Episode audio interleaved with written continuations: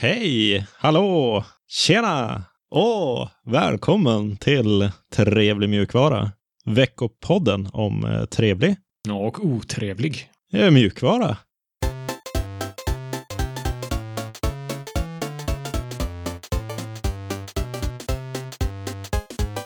Mitt namn är Alexander och med mig har jag som vanligt Seb Jajamän, tjena.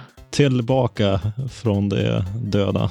Ja, precis. Vi har ju haft eh, ett eh, avbrott som a- aldrig har hänt tidigare i Trevlig mjukvaras historia. Ja, så är det. Vi missade förra veckans avsnitt. Men vi är tillbaka starkare än någonsin. Eller?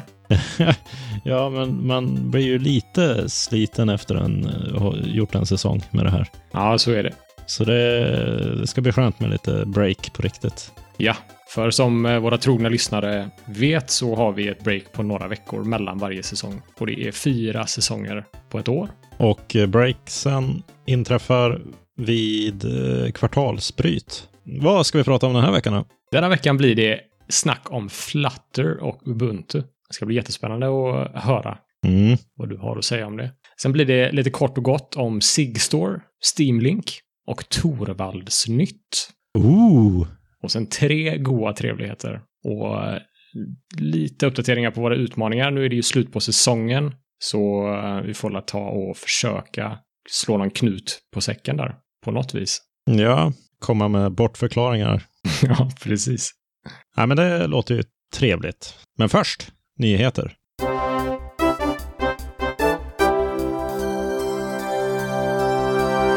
Mm. Flutter 2 och Ubuntu har gått ihop. Flutter 2 och Ubuntu, säger du. Ja. Det är inte den mest uppenbara matchningen. Nej. Flutter 2, eller Flutter, är väl en Google-produkt. Mm. Och Ubuntu är ju inte en Google-produkt. Nej, det är ju Canonical som eh, bygger Ubuntu med hjälp av eh, gemenskapen. Just det. Har du hört talas om Flutter någon gång? Jag tror vi har snackat om det lite kort i podden innan. Men det är väl något slags eh, ramverk för att bygga appar. Ja, det är ju typ ett ramverk, men eh, man kan ju inte prata om flutter utan att nämna Dart. Vet du vad Dart är för någonting? Nej, jag är inte riktigt säker på vad Dart är. Det är också något slags ramverk för att bygga appar, kanske. Ja, det är ett eh, språk faktiskt. Så flutter är ju egentligen inte ett språk i sig. Ja, det är ju ett ramverk eller ett bibliotek. Men eh, det är ju i Dart man skriver flutter-gränssnitt. Mm, jag förstår. Och Dart är någonting de kallar för ett klientoptimerat språk för appar, för flera plattformar. Kan du gissa när Dart dök upp för första gången? Du brukar ju vara bra på det här. det är väldigt hit and miss när jag gissar på årtal. Eh, Jag gissar på 2018, tre år sedan. Nej, oj. Nej, det dök upp oktober 2011. Oj, Jesus. Okej. Och det här språket kan man köra på, de säger att man kan köra på fyra olika sätt, men jag tycker att det är tre olika sätt.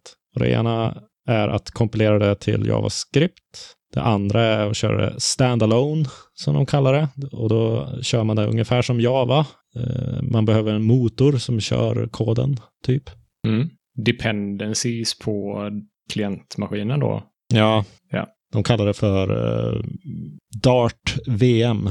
Okej. Och så det tredje sättet som är att kompilera det till maskinkod så det blir riktig, riktiga ettor och nollor i slutändan. Ah. Och det var initialt en ganska negativ eh, respons till Dart eftersom det ansågs eh, fragmentera webben. Eh, Det attackerade webben lite grann. För det fanns planer på att integrera en sån här Dart-motor i Chrome. Så att eh, man skulle kunna skriva då webbappar som bara kunde köras med webbläsare som hade den här Dart-motorn i sig. Just det. Som inte byggde på JavaScript. Precis, men man avbröt de planerna och fokuserade på en JavaScript-kompilator istället. Mm. Och eh, till och med ECMA I- Internationals tekniska kommitté, TC52, godkände Darts eh, språkspecifikation 2014. Ja, okej. Har du sett Dart någon gång? Självaste hur det ser ut med koden där? Nej, har jag inte gjort. Ska jag försöka förklara det, kanske det. ja, grann. gör det. Spännande. Ja, om du tänker dig att man eh, slår ihop C-sharp, Java, C och JavaScript lite grann. Kan Ja. du tänka dig en sån eh, Frankenstein? Ja, svårt att se det framför mig, men eh, okej. Nej, men det på- påminner ganska mycket om C-sharp och JavaScript, tycker jag. Okej. Sen har den tagit en del fiffigheter från Smalltalk, som är bland annat sån här Method Cascade Syntax, om du har hört talas om det. Oj, nej, det vet jag inte vad det är. Man slipper skriva vilket objekt det är en metod eh, ligger på. Mm. Så man kan bara skriva punkt, punkt eh, metodnamn när man är s- inuti objektet. Jaha, okej. Så fattar den att ja, det är den här metoden som tillhör det här objektet. Då. Just det. Sen har den fått lite mix-ins från Strongtalk och Ruby. Ja. Och så ditt favoritspråk har den tagit lite eh, influenser ifrån. Den har tagit koncept för parallellism som bygger på liknande modeller som används i, vilket språk älskar du? Rust? Nej. Nej, det är ju du Jag- som älskar jag- Rust. ja, Ja. är det JavaScript? eh, nej, Är det CSS? du kanske inte skojar älskar det här språket. Eh, Java? Du får nog gå ännu lite längre bak i tiden tror jag. Eller det var kanske där omkring eh, Java-tiden, ja. Mm. Visual Basic? Det är inte Haskell, utan det är... Eh, nej, jag vet inte. Det börjar på E. Erlang? Ja! Ja, det är ju parallellismspråket nummer ett. Såklart. Ja. Just det. Så den har eh, ja, kokat ihop det bästa från dem, tycker de. Och eh, ja, i Flutter eh, så, så används ju Dart. Just det. Så då har vi avhandlat Dart, tycker jag. Yes, precis. Jag har en lite bättre bild över det. Ja, man skulle vilja testa att skriva någonting i det, men det, ja, det finns många grejer man vill testa här i världen. ja, Dar, så- Dart är kanske inte det första. Ja, säg inte det. I och med den här nyheten. Ja, det är ju i och för sig sant. Så Flutter har ju Dart i grunden och Flutter är då ett eh, open source gränssnitts eh, SDK Mm. som är skapat av Google. Och den allra första versionen av Flutter hade kodnamnet Sky och dök upp 2015 i samband med en konferens för Dart. Så de här två hänger ju ihop väldigt mycket, Dart och Flutter Mm, förstår det. då uttalade man ju målet med Sky eller Flutter att man skulle ha ett gränssnitt som kunde rendera i 120 FPS utan problem. Mm, just det. För någonting som jag har sett i Flutter är att de har eh, inbyggt väldigt bra stöd för animationer. Ja, och jag eh, kommer ju egentligen från mera deklarativa UI-språk. Jag eh, tycker det kan vara ganska trevligt. Men det här är ju, det påminner väldigt mycket om swing och sådana språk. Okej. Som man, man bygger upp eh, gränssnittet i, i Dart-kod. Liksom. Just det. Första gången man nämnde Flutter var i maj 2017 när man släppte det som en alfa-version och den 4 december 2018 så kom version 1.0. Och nu den 4 mars 2021 så kom Flutter 2.0. Mm. Och hela eh, grejen som man försöker sälja in med Flutter är att man kan skriva äkta native-applikationer till väldigt många plattformar. Just det. Och det som är nytt i Flutter 2 är typ officiellt stöd för desktop-applikationer, skrivbordsappar, typ. Mm. Att det inte är riktigt officiellt stöd för, för det än är att man har, bara har en beta av den här skrivbordsapp-varianten. Mm. Men betan finns tillgänglig i Flutter 2. Så man kan slå på det och testa skriva skrivbordsapplikationer i, i en beta. Okej, okej. Men eh, något som du kanske är lite eh, taggad på är att det finns officiellt stöd för att producera webbappar nu. Så nu kan du slänga JavaScript och TypeScript. Så för nu, Nu är det Flutter som gäller. jajamän, Ja. Nej, det är, det är jättespännande faktiskt. det är lite roligt med nya sådana här. Samtidigt så vet man ju att det är Google bakom det. Och man vet aldrig med Google. De, eh, de har dödat större drakar genom tiderna. Ja, men jag vet inte om de har ens kraft att döda Flutter. Är in- Är det inte ett open source-projekt? Jo, det är det väl. Men eh, det drivs ju av eh, Google. Ja, just nu, men om de lämnar skutan så, om det är en- en bra plattform så kanske det drivs vidare. Ja, det finns ju andra som bidrar till Flutter. Bland annat så annonserades det att eh, Microsoft har hjälpt dem med stödet för vikbara skärmar i Flutter 2 också. Ja, okej. Microsoft har ju deras eh, Surface Duo, om du har sett den. Mm. Jajamän. Hur hänger då Ubuntu ihop med det här? Vad tror du? Jag tror att man kanske kan skriva desktop-appar till Ubuntu i Flutter. Kan det vara så coolt?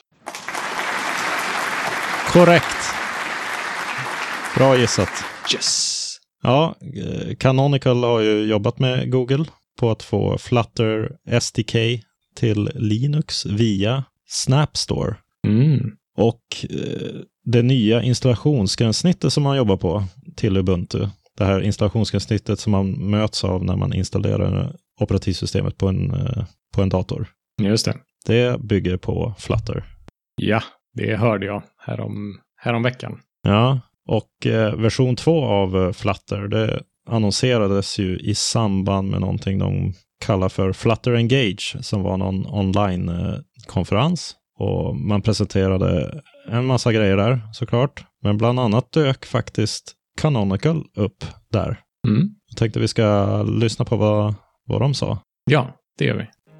We not only enabled Flutter for Linux, we also worked with the Flutter team to publish the Flutter SDK as a snap in the Snap Store, the App Store for Linux. By publishing the Flutter SDK as a snap, we've made it very easy to install and set up your development environment to build mobile, web, and desktop apps with Flutter on Ubuntu. Flutter is the default choice for future desktop and mobile apps created by Canonical. Det är inget dåligt eh, bit av kakan de eh, tar här. De vill att man ska göra mobilappar, desktop-appar och webbappar i Flutter. Ja, Det är ju lite crazy.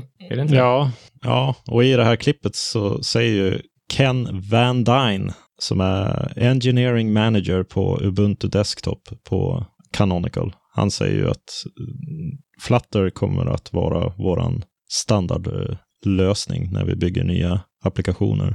Mm. Blir- Får man, om jag får ta på mig konspirationshatten lite. Ja, ja, absolut. Har de fått betalt av Google för att ha Flutter som default choice? Jag tvivlar på det.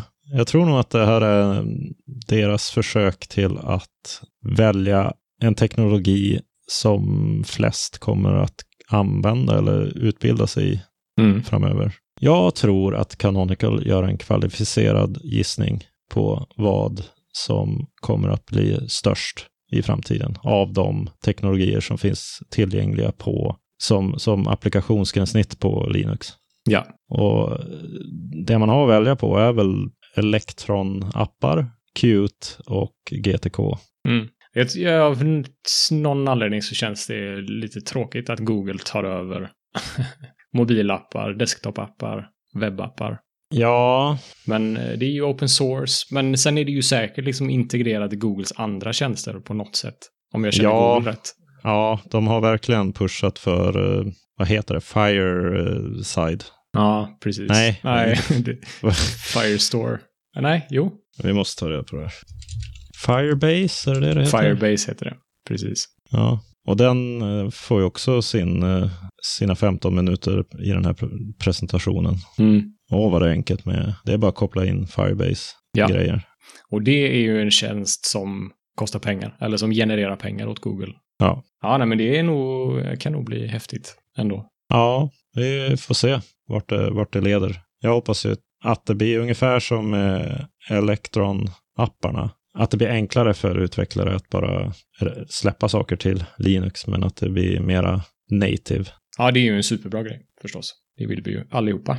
Ja, ska vi titta på vad som har hänt lite mer i veckan? De Ja. senaste två veckorna, i kort och gott. Ja, det gör vi.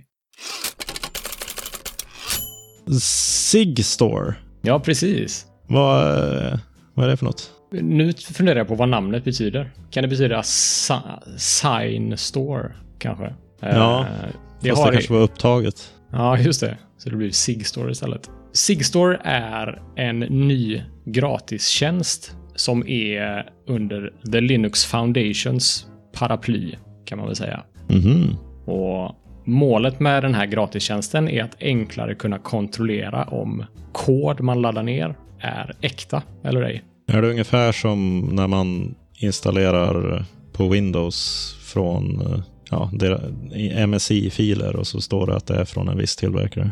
Just det, precis. Den är signerad kan man säga. Ja, Och signering har klassiskt varit ganska svårt. Sv- inte svårt egentligen, men lite mäckigt kanske. Så eh, några stora problem som de tittade på var att väldigt få projekt signerar sin kod. Väldigt få användare verifierar den här signaturen. mm. Nycklarna man- man behöver för att signera sin kod är ganska svåra att hantera. Så de kan läcka till exempel och vill man vara riktigt säker så måste man spara de här nycklarna på hårdvara eh, som helst inte är uppkopplad på internet. ja just det. Så det är ju till exempel när du, jag tror att du stöter på det här problemet, typ när du laddar ner någonting ifrån GitHub, en release ifrån GitHub till exempel. Eh, Det gör jag ibland i alla fall. Mm. Och det här påverkar också vad som kallas för tarballs eller binärer och container images. Så det är liksom kompilerade klumpar av, eh, av kod Ja, som, eh, som den här gratistjänsten kommer att eh, hjälpa till att signera. Då. Och de är också öppna för att samarbeta med pakethanterare och deras gemenskaper. Så att Aha. eh, paket du laddar ner i ditt operativsystem också kan signeras med den här Sigstore-tjänsten. ja okej. Och det här är då eh, kopplar ihop det upp till någon eh, root authority någonstans. Ja, precis. Så det är en tjänst, en klient som fortfarande är i eh, prototypstadie. Ja, Och det är också en logg som de kallar för rekor mhm. som är en publik eller en transparent logg. Och i den här loggen så loggas helt enkelt alla, alla verifieringar. Så att det är öppet och publikt och man kan titta vad har verifierats. ja okej. Kan man se det här ungefär som Let's Encrypt fast för binärer och paket och Ja, precis. ja. Det är en bra jämförelse. De jämför sig själva till och med med Let's Encrypt. Så de säger att hela tjänsten modelleras efter Let's Encrypt-projektet. Ah, De har fått det att funka väldigt bra. Så det var en, eh, en bra observation. ja, Det är folk på eh, Red Hat och eh, Google med flera. Det verkar vara ganska många som är involverade i det här. Som har kommit fram till det här lösningsförslaget. Då. Och fördelar med det här är att inga nycklar behöver förnyas eller lagras. mhm. För att man använder något som kallas för OpenID Connect. Som är något slags certifikat eh, som löper ut väldigt snabbt. ja, Och de vill också att eh, signeringen av mjukvara ska vara enkel med minimal setup. Så deras tanke, de har postat någon liten video över hur eh, det kan se ut och det är ett eh, CLI, ett command line interface, där man eh, signerar sin kod. mm. Ja, till slut så kan man väl säga att det är en publiktjänst som sagt. Den är non-profit, 100% open source. ja, det låter ju vettigt. Det tycker jag. Kul. Steam Link, nu till Linux. Ja, Wow. vi, Vad är Steam Link? ja jag tänk, Var det det du tänkte fråga Ja. mig? kan du Ja. gissa Nej, vad det är? Jag, Det kan du inte.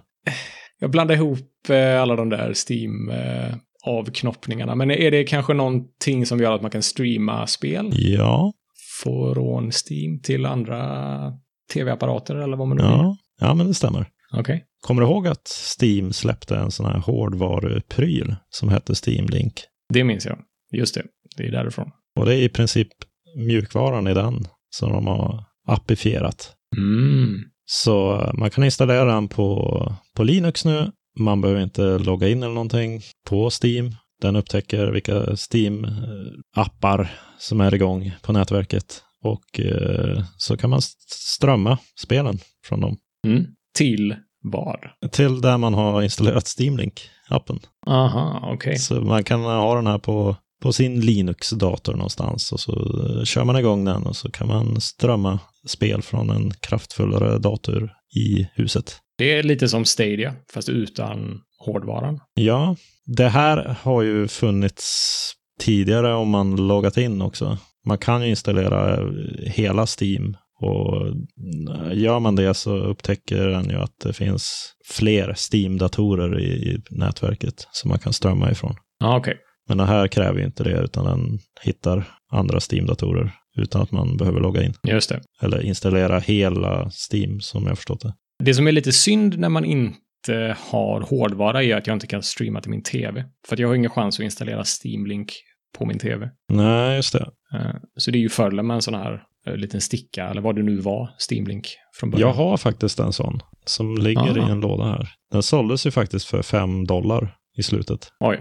Så jag slängde med en sån eh, när jag köpte någon annan grej. Ah. Kan man bygga sin egen Steamlink-hårdvara? En Raspberry Pi, Ja, installera Steamlink eh, som du snackar om, mjukvaran, ja. sätta in, koppla in i min TV. Ja. Det är lite, det är lite häftigt. Och eh, Valve, de tackar även Collabora för hjälpen. Collabora är några som är duktiga på Linux. Ja, det är roligt att se att eh, Steam tänker på eh, Linux. Ja, Eller att Valve gör det, snarare. precis. Ja, nu Torvaldsnytt. Ja, precis. Spela ingen. Ja.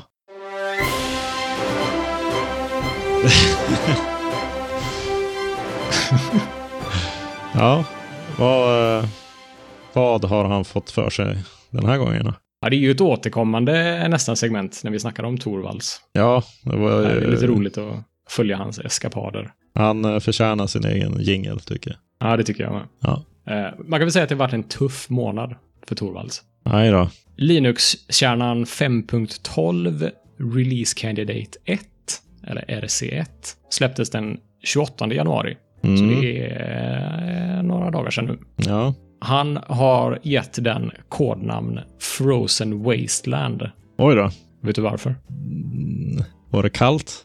Ja, det var kallt och stormigt. Aha. Det var en snöstorm i eh, delar av USA, där, bland annat där Torvalds bor, som gjorde att han förlorade strömmen i sex dagar Oj, och hamnade efter med eh, det här merge-fönstret som han sitter med. sex dagar utan ström. Ja, precis. Och det var mitt under den tiden när Torvalds skulle titta igenom alla commits, alla förändringar som har gjorts och mergea in dem i, i 5.12. Men eh, han lyckades ta igen den här förlorade tiden Aha. och RC1 släpptes, men fick då namnet Frozen Wasteland. Mm. Och det är nästan 11 000 commits och över 1500 personer som har hjälpt till med denna 5.12. Oj då. Ja, det är, det är lite folk. 1500. Det är lite folk. Japp. Ja, Det är kul. häftigt. Det verkar vara eh, en vårstädning som har skett, eh, bland annat. Ja. Och Det har tagits bort en hel del eh, legacy-kod som inte används längre. Ja, okej. Så det säger Torvald att han var han var väldigt nöjd med. Tyckte det var skönt. Ja, det är ju alltid bra. Ja, verkligen. Historien slutar inte här. Några dagar efter att 5.12 RC1 släpptes så kommer Torvalds ut med eh, ett mejl där han varnar för en väldigt otrevlig bugg. Oj då. Han uppmanar utvecklare att undvika RC1. Oj då. Som pesten. Nej, det sa han inte. Det var jag som sa. Ja, du, du kryddar lite bara. ja, precis. Ja. Han förklarar att det är ett problem med filsystemet i RC1. Så Jaha. data kan skrivas över helt slumpmässigt. Det låter dramatiskt. Ja, verkligen. Det är mer specifikt swappen som swappar filer till fel ställen. Oj då. Okej. Och industritermen för det här, eh, säger Torvalds, är eh, dubbelt obra. Eller double ungood. Ja, okej. Ja, jag har aldrig hört, men... eh, ja. Nej, Jag hänger, hänger för lite med Torvalds. kanske. ja. så de håller på att jobba med det nu och i RC2 så kommer ju det vara fixat.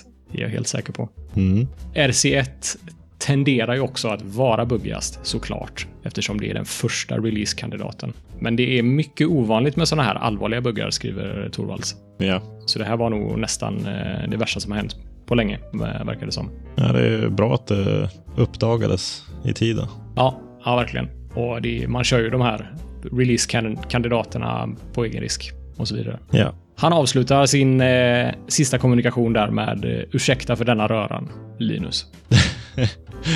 Flyger han ut genom fönstret då, eller? ja, precis. Hej då!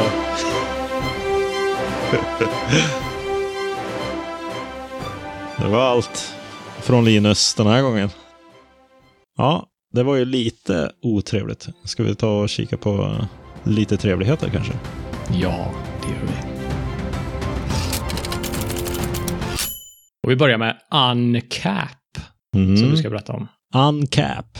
Vad tror, du, vad tror du att det betyder då? Uncap betyder ju att det inte finns någon begränsning. Jaha. Nej, det är, ju- det är ju att man tar bort caps lock. Aha. Har du någonsin stört dig på caps lock? Jag använder den aldrig.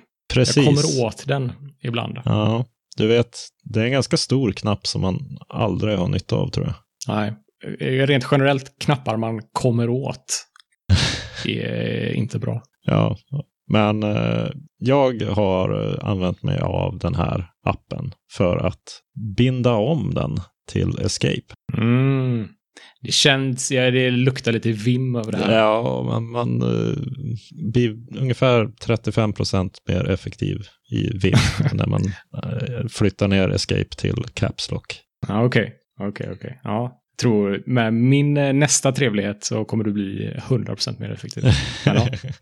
ja, vi ska, vi ska mäta de här grejerna tror jag. ja. Nej, så att eh, om man eh, stör sig på Caps Lock så kan man faktiskt laga det med Uncap. Det är väl egentligen det enda man kan tipsa om med den här appen. Den är väldigt liten och den gör precis det man förväntar sig. Mm, jag förstår. Det som är lite fräckt är att den funkar på alla plattformar. Ja, det var det jag tänkte fråga om också. Hur, hur löser de det egentligen? Jag kan tänka mig att k- tangentbordsmappningen ser väldigt annorlunda ut beroende på vilket operativsystem man sitter i. Ja, nej, jag vet inte. Jag har inte grötat runt i koden. Jag är bara glad över att det funkar faktiskt. Ja, ja, ja det är ju superbra. Vim Clutch. Ja, Det låter ju som...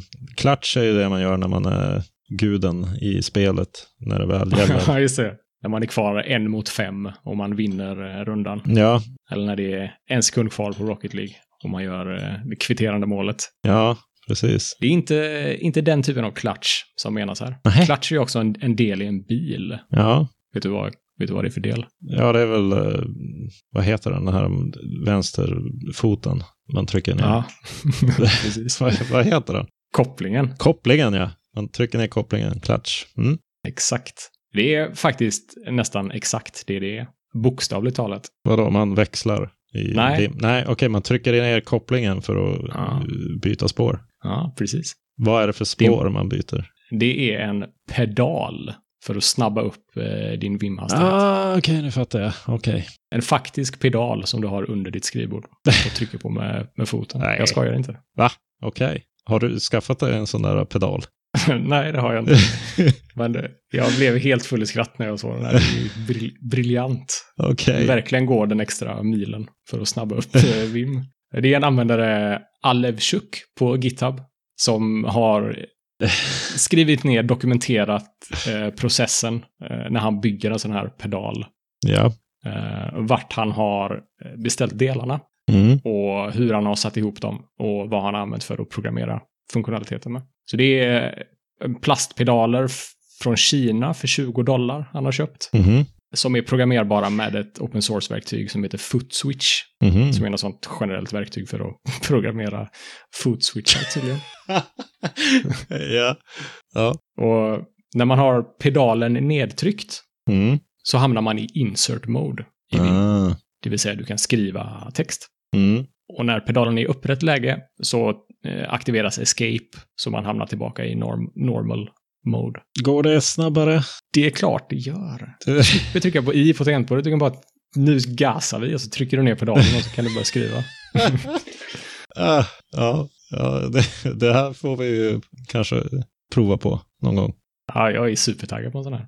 Det finns 27 issues på hans eh, GitHub-repo. Så det verkar ju folk, vara folk som är intresserade och har idéer Ja. för hur man kan förbättra. ja. Det är någon som föreslår eh, att lägga in taktil feedback i den.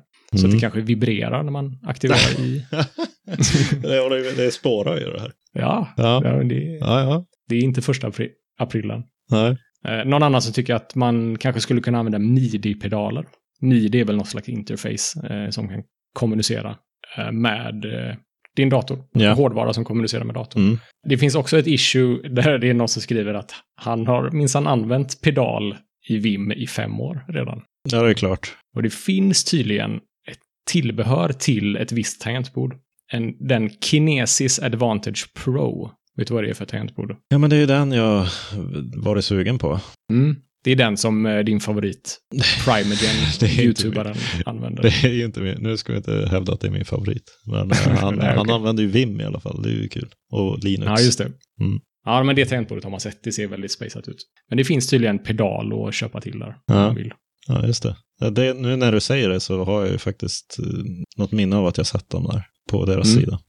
Just det. Fräckt. Ja, fräckt. Kanske till och med kan eh, ha flera pedaler. Ja, kontrollera och massa grejer. Ja, jag vet inte. Ja, nej, men det, det, ja, det kan vi nysta i. Vi kanske ska ha det som någon utmaning att du bygger det här och testar det här. För det är du som säger att du ska snabba upp det och rejält där. Ja, ja visst. Ja, Jag får eh, absolut. ja toppen.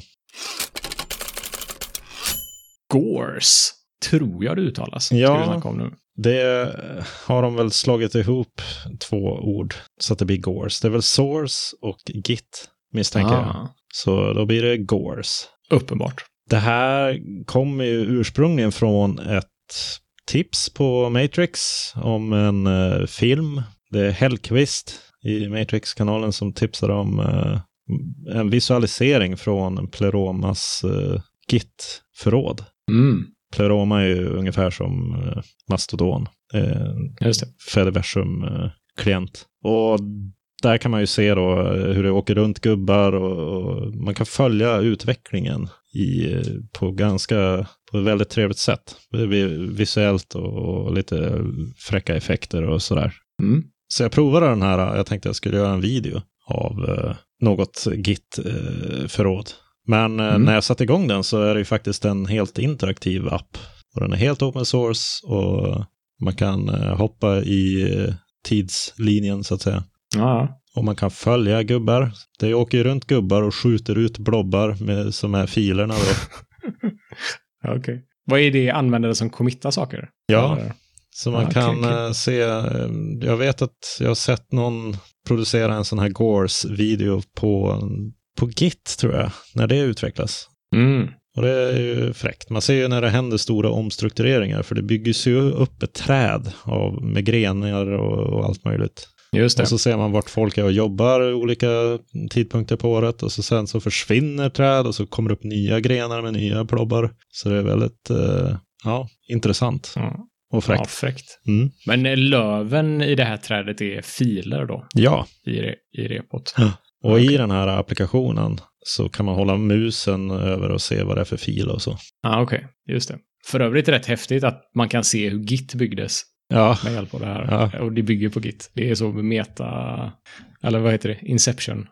Gitception. ja men eh, man får väl inte de första veckorna där när, Gi- när Torvalds satt och, och gjorde Git från grunden. Men eh, Nej, just det, efter det, just det. kanske. Ja. ja, häftigt. Det hade varit roligt att köra den på eh, Linux kernel och se de här 1500 personerna när de sitter och jobbar.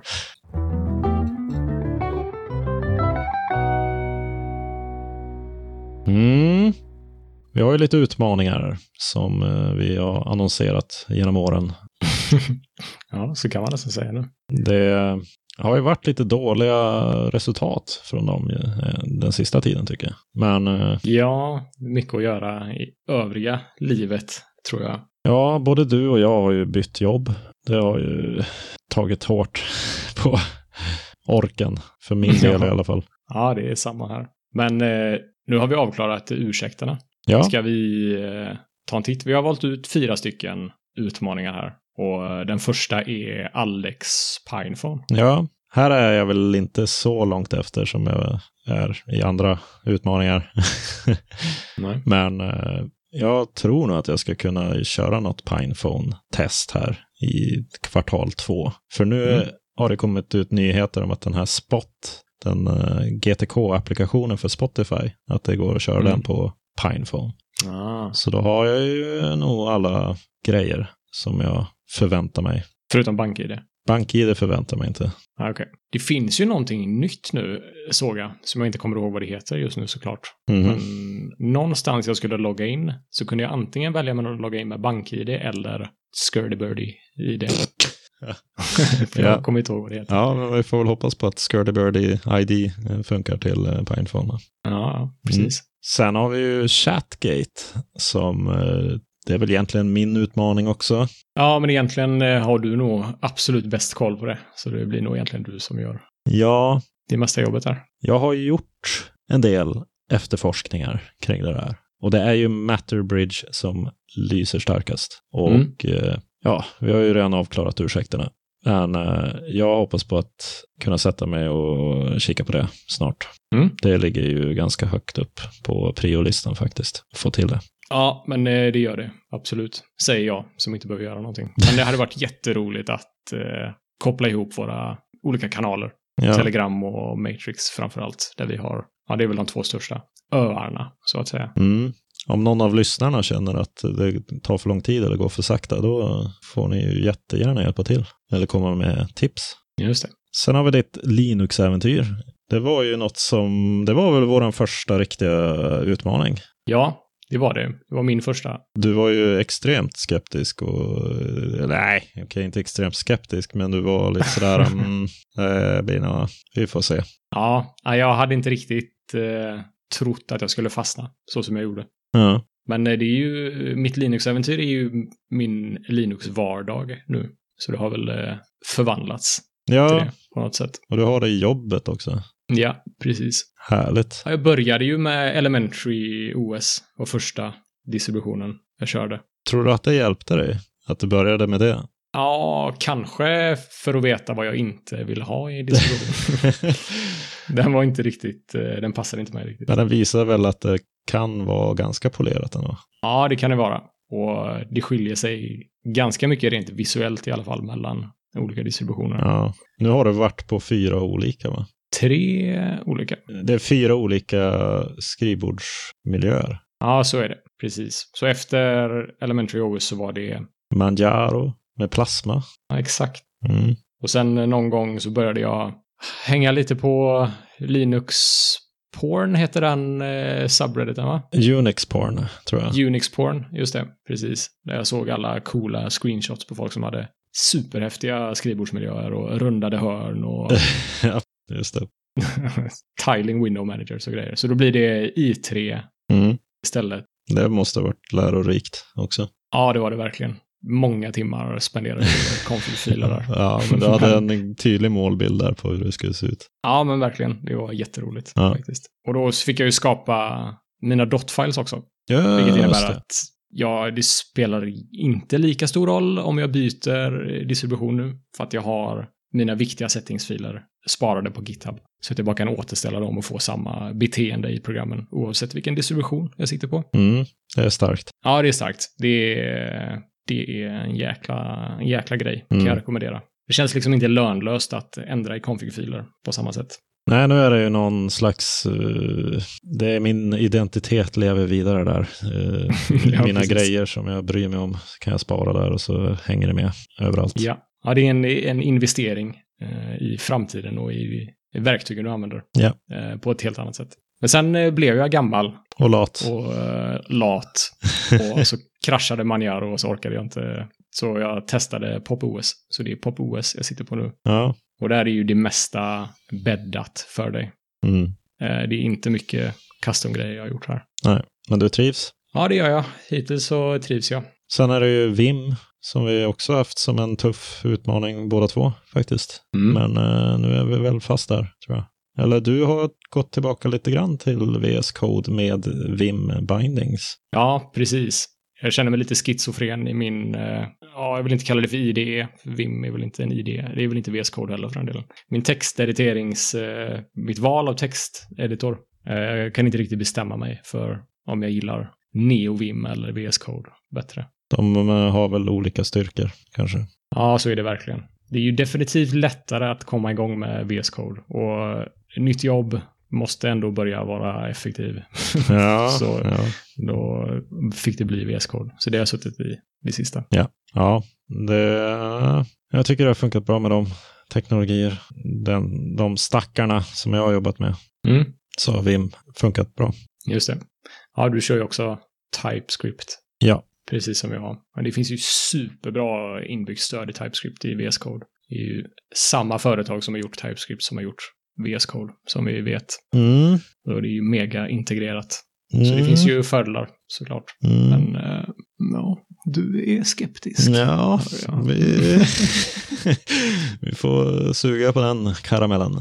Ja, det får vi göra. Du har också ett nytt tangentbord, apropå eh, att skriva saker. Ja, det är ju en utmaning. eh, Det är ju lite VIM-optimera Jag tänkte jag får gå hela vägen. Om jag ändå ska sitta i VIM och sådär, då får jag skaffa ett- ett sånt här Ergodox, eh, ja, splittat tangentbord. Just Med knappar som man kan programmera eh, 15 lager på. Och Ja. ja. jag tänker att den här kan jag väl växa med ungefär som eh, mina dot-files. Om jag investerar tiden i det. Ja, det tror jag nog verkligen. Ja, det ska bli spännande att se hur det går för dig med det. Det är bara pedalen som fattas nu. Ultimat hacker. Ja, jag har ju haft den eh, i en dag nu. Jag kan ju knappt skriva på den. Jag, jag var tvungen att koppla i mitt gamla tangentbord för att logga in på datorn. För jag kunde inte skriva rätt lösenord med det här tangentbordet. Just det. Men jag, jag kämpar vidare. det är bra. Mm. Vi var ju, vi hade ett break på en vecka och vi passade på att fråga vår kära lyssnarskara om de hade något särskilt vi skulle prata om. Det kom in i alla fall en grej. Ja, precis. Från eh, Gryps på eh, Mastodon. Ja, och jag har längtat efter att få använda våran eh, ledsna trumpet. Så om du lägger upp det här så kan jag göra den. Okej. Han säger att Länstrafiken Kronoberg har en app som vägrar starta när man använder Lineage OS. Och appen påstår att mobilen är rotad. Och sen kan man bara backa ur. Den avslutas så snabbt den där. Ja, ja. Klipps av. Ja. Ja, det låter ju eh, inte alls trevligt. Nej. Speciellt, han skriver också att de pushar för att man ska använda den här appen när man reser med dem. Mm. Eh, Men eh, man får tydligen inte använda vilket operativsystem man vill på sin telefon. Nej. Vi höll på att vela mellan eh, och lägga det här i otrevlighetssegmentet. Men eh, vi har ju inte nystat så mycket i det här, utan vi får ta hans ord och bua dem lite här i metan. Mm. Det känns ju som att det finns flera appar som har samma problem. Jag har kört Lineage OS i många år. Nu gör jag inte det, för jag har fått en jobbmobil. Men eh, jag har aldrig stött på att någon har klagat på att jag kör Lineage OS. Det är jättekonstigt. Och var, varför gör de? Varför har de en sån begränsning? Är den så konstigt byggd, den där appen, att den inte litar på ja, nischade operativsystem? Ja, jag vet inte. Det skulle ju kunna vara någon dependency i appen också som klagar. Ja, men Eller så är Alltså, det inte nödvändigt. Men det är ju lite, lite la, lat eh, tänk av utvecklarna där. Det är ungefär som när man går in på vissa sidor och den, de orkar inte stödja mindre webbläsare så då bara blockar de en helt och hållet. Mm. Just det. Jag tycker det är dåligt. Tråkigt. Ja, det är det. Jag hade ju nästan förstått det om det hade varit kanske, eller jag hade mer förstått det om det hade varit en app där säkerhet är superviktigt. Alltså bankappar och sådär. Ja. Då är det ju väldigt viktigt att man åtminstone vet att vilka operativsystem den kan köras på för att se till att eh, säkerhet finns, Mm. såklart. Men en buss, eh, eller vad heter det, en reseapp, eh, på sin höjd någon som skulle kunna tjuvåka någon gång då. Köper jag inte. Ja, Nej. det är jättekonstigt bara. Det var allt trevlig. Och otrevlig. mjukvara vi hade för denna säsongen. Hör gärna av er till kontakt at trevligmjukvara.se. Eller nå oss på någon av våra kanaler. Jag tänker rabbla upp dem nu. Det är YouTube, eller Twitter, eller Telegram, eller Mastodon, eller Matrix. Eller GitHub. Och sen har vi en eh, donationsplattform som heter LiberaPay, där vi finns. Kan man donera till Mm. eh, ändamålet, om man känner så. Ja. Det var väl eh, allt, va? ja, vi är tillbaka vecka 16. Just det. Och vilket eh, datum är det? För någon som inte har koll på veckor. 19 april börjar den veckan. Sen får vi se vilken dag i veckan det avsnittet kommer. Vi måste hitta något Just schema det. som funkar med eh, barn och jobb och alltihopa. Precis, men det blir 19, 20, 21, någonting i den stilen. Ja, Så eh, håll utkik. då hörs vi i säsong 7. Oh, det gör vi. Ja. Trevlig mjukvara på er. Trevlig mjukvara.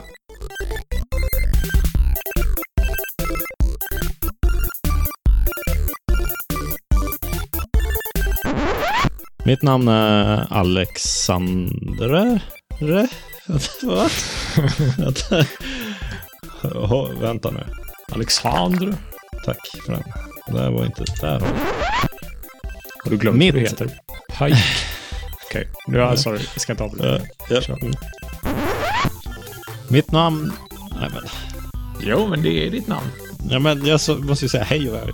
Nej, det Ja, säger nej, jag. nej, just det. ja, Just det, just det. Det var länge sedan nu. Lite rostigare. Jag- Jag har en massa bra grejer jag ska berätta om. Nej, vänta. Det är Swing, tror jag. Men vad heter, heter det Swing? Swift! Swift. Just det. Swing Swift. är ju... Swing är ju... Eh, Ja, Java-grejen. Java med Oj. swing. shit. En shout-out till Jan Skamsholm. Vår Ja. Mm. eh, gamla Java-lärare på Chalmers. Ja, han som eh, hasslade sina e- egna böcker. Just det. Hade jag med gjort. Och eh, Flutter såg ju som eh, egen eh, produkt första... eh, ah. Mm. Jesus Christ. Rögle med oss. Rögle med oss. Ja, det var ju lite otrevligt. Ska vi titta på något? Oj, nu slog jag till micken här. Vänta. Man väntar en kvart på att det slutar och... Ja, jag, Sjunga. jag ser det på, eh, på kurvan här. Nu är den klar tror jag. Ja, vi börjar. Där kommer jag att klippa bort den där.